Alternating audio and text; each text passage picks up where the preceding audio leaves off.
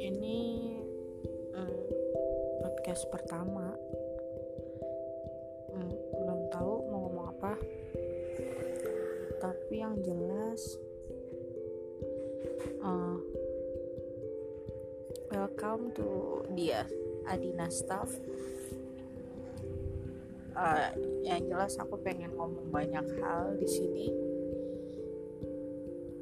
Semua yang ada di pikiranku maybe jadi terima kasih banyak yang udah mau mampir. Salam kenal buat semuanya. Semoga kita jadi teman baik ya. Bye